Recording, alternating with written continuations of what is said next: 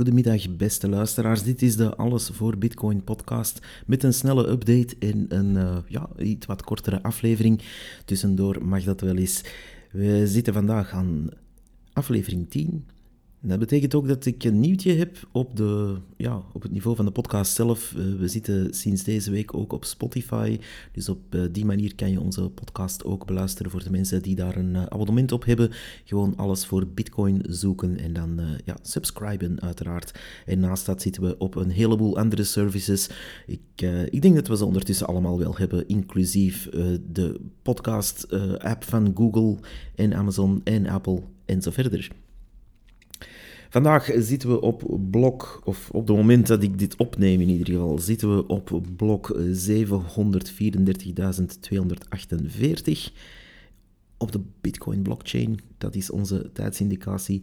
Uh, eh, 1 Bitcoin is 38.540 Amerikaanse dollars en dat is goed voor 36.570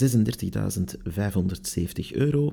Oftewel, een uh, ja, 7950 Big Macs gezien op de Big Mac Index. En uh, de laatste weken, voor de mensen die al een paar weken luisteren, uh, is dat cijfer alleen maar gedaald, of dat aantal Big Macs alleen maar gedaald niet spectaculair gedaald. Het blijft een beetje rond de, ja, de range van 8300 tot uh, eh, 8000 zweven. Uh, dat is absoluut niets om bezorgd over te zijn, want Bitcoin maakt nu eenmaal, net als de rest uh, van bepaalde assets, nogal gekke sprongen. voor de mensen die Netflix-aandelen hebben, die kunnen dat beamen dat niet alles altijd even stabiel is. En natuurlijk, ja, wie in Bitcoin zit, is gewoon van prijsschommelingen te zien. Schommelingen in de op de lange termijn qua koopkracht uh, zijn echter uh, ja, meer zeldzaam eigenlijk. We beginnen meteen met een uh, ja, groot nieuwtje eigenlijk, vond ik toch persoonlijk. de bank Revolut dat is niet alleen een uh, goede bank-app dat die hebben. Uh, dat is een van oorsprong uh, bank uit Groot-Brittannië. En die gaat, ehm, die gaat verder ontwikkelen richting gedecentraliseerde Bitcoin-wallets, of zoals zij het dan noemen, crypto-wallets. Maar uiteindelijk gaan ze dus ook toelaten om daar Bitcoin mee te zenden en te ontvangen rechtstreeks op een echt Bitcoin-adres. Momenteel laten ze wel toe om Bitcoin te kopen en te verkopen, maar dat is dan eigenlijk volgens het principe dat je eigenlijk bij hun eigen uh, ja, interne systeem en ledger die bitcoins gaat kopen en verkopen, maar niet rechtstreeks. Dus je kan niet bijvoorbeeld via Revolut bitcoin kopen en die bitcoin dan naar effectief een uh, ja, externe wallet ergens sturen of naar iemand anders met een adres uh, buiten Revolut. Binnen Revolut is dat wel mogelijk. Je kan dus wel degelijk bitcoin to bitcoin betalen uh, binnen het Revolut-systeem. Als je naar een andere Revolut-user dat wil sturen, dan kan dat wel. Uh, maar dat gaat dus veranderen. Ze gaan dus een, uh, een soort van eigen wallet daarin bouwen die als een volwaardige Bitcoin-wallet kan gaan dienen. Dat is eigenlijk goed nieuws, want uh, Revolut, voor de mensen die dat nog niet kennen of uh, daar nog niet veel van hebben gehoord, in België wordt dat een beetje ja, afgeschermd blijkbaar, wordt niet veel over gepraat. Uh, die zitten al over de 20 miljoen gebruikers, zijn vooral in Europa actief.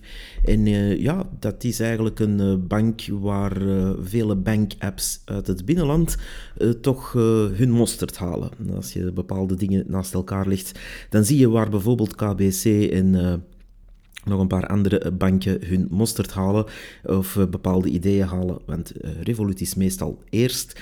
En die, ja, dat is een echte online bank. Ik wil er hier nu niet te veel reclame voor maken, omdat ze Bitcoin gaan omarmen.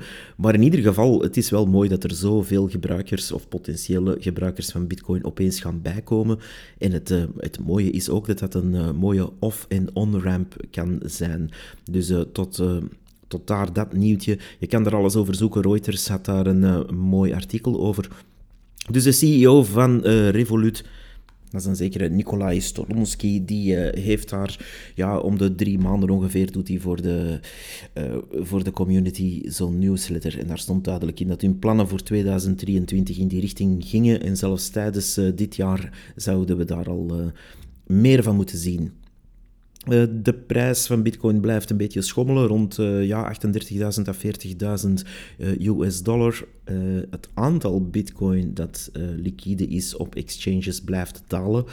wat natuurlijk wil zeggen dat er heel veel holders zijn of heel veel hodlers zijn die niet zomaar hun Bitcoins gaan afgeven en niet zomaar verpatsen op een exchange. En dat is natuurlijk een goed teken, want daarvoor zitten we er hier in om bitcoins te hebben en een deel van onze waarde daarin te behouden.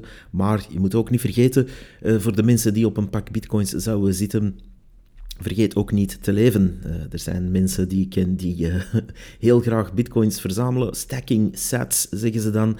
Maar uh, ja, die bij wijze van spreken schoenen van in de jaren tachtig aan hebben, waar ze al met hun teentjes doorzitten. Ik zou zeggen, koop toch ook eens iets voor jezelf uh, in plaats van alleen maar stacking sets te doen. Maar uh, ja, de echte bitcoiners die zijn daar zo bezeten van, daar zo bezeten van, dat ze natuurlijk uh, niet anders kunnen dan blijven hoddelen. Maar in ieder geval, die prijs blijft daar rond schommelen. Wat natuurlijk ook wil zeggen dat die voorspelde crash die sommige analisten en sommige online technical analysis gurus uh, binnen de Bitcoin space hadden voorspeld dat die er ook weer nog of niet komt. En uh, want ik kan de toekomst ook niet voorspellen natuurlijk. Voor hetzelfde geld staan we morgen op 10.000. Maar uh, ja, dat, daar is een plafond ergens, maar er is ook natuurlijk een bodem. En die bodem lijkt een beetje ja, hier rond deze 38.000 te steken. Misschien nog iets lager. Maar um, er zijn natuurlijk de holders die dat, uh, die dat ondersteunen. En er is natuurlijk ook uh, het feit dat hoe langer deze prijs blijft uh, ja, zijdelings gaan rond deze manier, hoe harder de pump opwaarts uh, daarna gebeurt, meestal. Als we even kijken naar Bitcoins geschiedenis, dan zien we elke keer diezelfde beweging gebeuren. Als het even te lang, bijvoorbeeld uh, een tijd geleden, zo rond uh, 2017, stak het een hele lange tijd zo rond 6 à 8.000 dollar. En er bleef het maar schommelen om dan opeens een enorme vaart te nemen opwaarts. Uh, security serieus nemen, daar wil ik ook heel even nog een zijsprongetje over maken. Um, het is, uh, het is te zien dat uh, binnen Europa en dus ook in ons land er meer en meer wetten met de voeten worden getreden of waar eigenlijk mensen ja, bij de neus worden genomen door hun eigen land. Um, ik las vandaag nog een artikel dat passeerde. ruim werd gedeeld in de Bitcoin community over de fiscus, die zelfs ja, illegaal verkregen bewijzen of illegaal verkregen materiaal bij uh, niet altijd zo fideel verlopen huiszoekingen toch mocht gebruiken en dan uh, op die manier toch mensen kon veroordelen. Uh, je kan daar natuurlijk van alles over denken. Mensen die iets mispeuteren uh, pakken is natuurlijk ook een taak hier en daar van een overheid. Maar langs de andere kant moet dat dan door je eigen wetten te gaan aan je laars lappen. Um, daar kan je lang over discussiëren. wat er ook van zij, op het einde van de rit zien wij als bitcoiners in ieder geval ons genoodzaakt om de mantra Be Your Own Bank een beetje meer serieus te gaan nemen. En dat kan je in de eerste plaats doen door uh, wat ze dan in de IT-wereld operational security een beetje te gaan serieuzer nemen. En met operational security, je kan het vergelijken met, ja, op je Visa-kaart ga je ook niet meer een post-itje dat erop kleeft je nummer kleven of je pincode kleven. Uh, dat, uh, iedereen is het daarover eens dat dat uh, vrij dom is en dat je dat niet moet doen. Maar als het dan over bitcoin crypto gaat, dan zijn er mensen die gewoon hun, bijvoorbeeld hun passkey, passphrase of hun private keys gewoon in een tekstfiletje op hun desktop hebben staan op hun computer op het werk. dus nee, neem dat een beetje meer serieus zou ik zeggen, want een ja, je, weet niet wat eraan komt, ik zal het zo zeggen. In de toekomst kan het zijn dat dat soort praktijken, zoals ik uh, daarnet las in dat artikel, nog verder gaan uitbreiden en dat de overheden en alles die daar eigenlijk de orders van volgt of graag wil volgen, al dan niet met een petje op, uh, ja, meer en meer vrijheden gaan nemen in het pakken van mensen. En natuurlijk, niemand vindt uh, ons bitcoiners uh, blijkbaar tof hier in ons land. Dus we moeten ons daar zeker voor ja, behoeden, zal ik maar zeggen. Het is natuurlijk ook makkelijk om bitcoiners in dat verdomhoekje te duwen als er ja, nu al een enkele jaren, pakt zelfs een stuk of acht jaar, niet anders dan een slecht beeld wordt opgehangen van bitcoiners. We zijn allemaal hebzuchtig, we vegen onze voeten aan het milieu, we, denken alleen maar aan ons eigen, we zijn psychopaten en wat hebben we nogal niet gehoord. Dus die uh, het vijandbeeld creëren is wel degelijk aan het gebeuren. Wat natuurlijk een beproefde tactiek is, ook in de propaganda, uh, al in de jaren 30, 40 uh, deed men niet anders. Dus dat is natuurlijk een beproefde tactiek wanneer je een vijand wil klein krijgen of kapot krijgen, dan, ja, dan kan je die best vergelijken met alles dat slecht is en associëren met alles dat slecht is. Dus als bitcoiner moet je je daar ook van bewust zijn, want eigenlijk zijn wij heel goed. Wij zijn de enige mensen die in waardebehoud uh, blijven geloven. Uh, iets dat uh, binnen Europa, en zeker bij onze toppolitici, het laatste is waar ze mee bezig zijn, toch voor het volk. hun eigen waardebehoud, dat zal wel dik in orde zijn. Maar verder ja, zien we vooral dat ze ja, tegenover bitcoiners veel minder goeds doen en veel minder bezig zijn met waardebehoud, met permissieloos transacties opstellen en met effectief ja, vrijheid veroorzaken. En dat is, uh, dat is iets natuurlijk dat bij ons erin gebakken zit. Een ander nieuwtje dat ik even wil aanhalen is uh, de Franse Service de Garantie de l'Identité Numérique. En dat is eigenlijk een, uh, ja, een soort van Sovjet-soldaatje in je broekzak in Frankrijk. Een, uh, ja, een smart wallet. Een beetje te vergelijken met wat we hier hebben in de vorm van ItsMe, maar dan meer uitgebreid. Je kan daar inloggen op van alles en nog wat, maar men gaat natuurlijk ook daar eisen aan stellen en men gaat daar een stok achter de deur hebben. Dus je gaat eigenlijk, men gaat eigenlijk een soort van uh, digitale identiteit in een sociaal creditsysteem dat daaraan gekoppeld gaat worden al noemen ze het nog niet zo.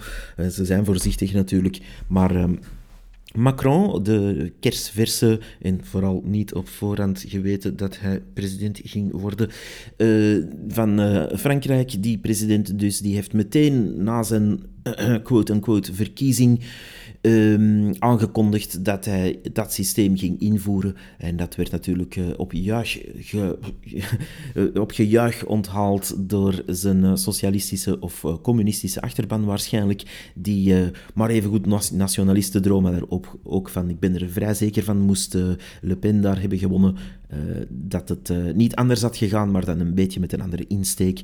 Dus dat zijn uh, twee zijdes van hetzelfde muntje, zoals ze dat in Amerika zeggen, two sides of the same coin. Want je gaat daar uh, toch naartoe gaan, omdat men, tussen aanhalingstekens, dat nu eenmaal zo wil, de bevolking onder de knoet houden. Eh, zo'n tools, uh, ja, wij bitcoiners zien dat in het algemeen niet graag komen. Uh, niet alleen omdat wij ja, vrijheid in ons hart dragen, maar uh, het is eigenlijk een wolf in schaapskleren die je binnenhaalt. En die binnenkomt als een soort van makkelijke manier om in te loggen op overheidssystemen die op een andere manier moeilijker en moeilijker raadpleegbaar worden. Uh, dus er zijn al afdelingen, ook in ons land, van de overheid, waar je ja, eventueel nog wel fysiek uh, langs kan gaan, of waar je, als je veel, veel, veel geluk hebt en veel geduld hebt, mee kan bellen. Maar uh, dan, uh, ja, dan hebben die weer openingsuren, zoiets als 10 en, tussen 10 en 12 en 13.30 uur 30 tot 14.30 uur 30, behalve op woensdag, donderdag, zaterdag, zondag en wanneer het volle maan is, of wanneer het warmer is dan 24 graden buiten. Dus uh, dat stuk uh, uh, wordt alsmaar moeilijker gemaakt. En ja, als bejaarde bijvoorbeeld, good luck om op zo'n op zo'n afdeling nog iets gedaan te krijgen of überhaupt enige communicatie op te zetten. Maar de ridder is hier en zo gaat het altijd. Men maakt eerst iets stuk en dan gaat men zeggen: kijk eens, de redding is hier. Uh, we hebben hier een uh, smart wallet voor u, een uh, service die de elektronische numerieke garantie biedt dat u, dat u nog wel een brave genummerde taxslaaf bent die geld mag krijgen en geld mag uitgeven als wij dat goedkeuren. Dus het permissieloze is daar volledig weg. En um, ja, de opvolging zal Novenant zijn natuurlijk. Dus dit soort stukken controle via software wordt eigenlijk uh, door een staat, maar vooral in heel Europa, goed uitgedacht. En er wordt ook goed over nagedacht. En dat kan je lezen in hun filings en in hoe dat allemaal openbaar wordt gemaakt, hoe ze dat opzetten. Want dan kan je, dat is het gekke, men, men maakt dat openbaar. Je kan op de site van onder andere de ECB, maar ook eh, van de Europese instellingen, dat effectief wel volgen. Dus uh, we hebben daar een heel gekke situatie waar je aan de ene kant voor je ogen een, naar mijn mening, totalitair regime ziet ontstaan, of toch een, regime dat zeer, zeer ver gaat in uh, surveillance capitalism. Maar aan de andere kant dat ook wel mooi openbaar maakt om ja, blijkbaar ons in ons gezicht uit te lachen van kijk eens, we zijn dit aan het opzetten, we zijn tralies voor uw raam aan het zetten en een camera voor uw raam aan het zetten, bij wijze van spreken, maar uh, ja, u weet het tenminste. Dus dat wordt allemaal mooi openbaar weergegeven. En dan zien we dat er dus op die manier eigenlijk heel zoetjes aan die mogelijkheid tot ja, vrijheid wordt afgenomen hier en daar. En dat, uh, dat zie je aan alles. En uh, Macron zit daar dus een uh, stap voor vooruit, of achteruit, zo u wil, met die SGIN, waar je eigenlijk ja, een app gaat krijgen in Frankrijk, waarmee je geïtsmeet wordt. Um, nu, dat wordt dus ook als zoete koek binnengehapt door de PayPal. Um, de PayPal hebben dat heel graag. En die eh, betalen ook zeer graag. Eh, de tegenhanger van de betaalmensen zijn natuurlijk eh, de mensen die hier in ons land in Betalië leven en die er zonder blikken of blozen 70% tax betalen om, ja, weet ik veel wat, nog in de plek te krijgen.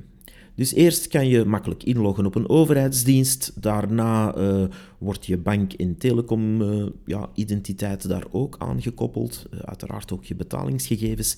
En de volgende stap is natuurlijk dat er opeens iets niet meer werkt, tenzij je naar hun pijpen danst en tenzij je extra informatie geeft. net zoals dat je bij sommige bitcoin-exchanges, die nogal ja, dodgy kunnen zijn op bepaalde momenten, en ja, die gaan dan opeens een uh, extra garantie vragen. En opeens vragen dat je een videootje opneemt waar je je identiteitskaart boven haalt. Een goede tip mensen van zodra je dat moet doen, run, uh, nooit doen, want dat is, uh, ja, dat is nu net waar crypto niet voor gemaakt is, om nog meer middelmen te creëren, om nog meer permissie te moeten gaan geven. Want dan kan je evengoed uh, ja, bij een grote bank zitten en daar gewoon beleggen, waarom niet? Dus uh, dat makkelijk inloggen dat we nu voor onze neus krijgen via onder andere ItsMe is eigenlijk een beetje aan het gelijklopen met wat ze daar in, uh, in Frankrijk aan het doen zijn. Dat wou ik toch even meegeven. En ook nooit vergeten dat die tools, en vooral dan die hier in België, de ItsMe-tool, uh, werden opgezet door een groep van bedrijven, Telenet, Proximus, een paar telecombedrijven dus, en de, ja, de grote banken van ons land, dus Fortis, KBC, noem ze maar op.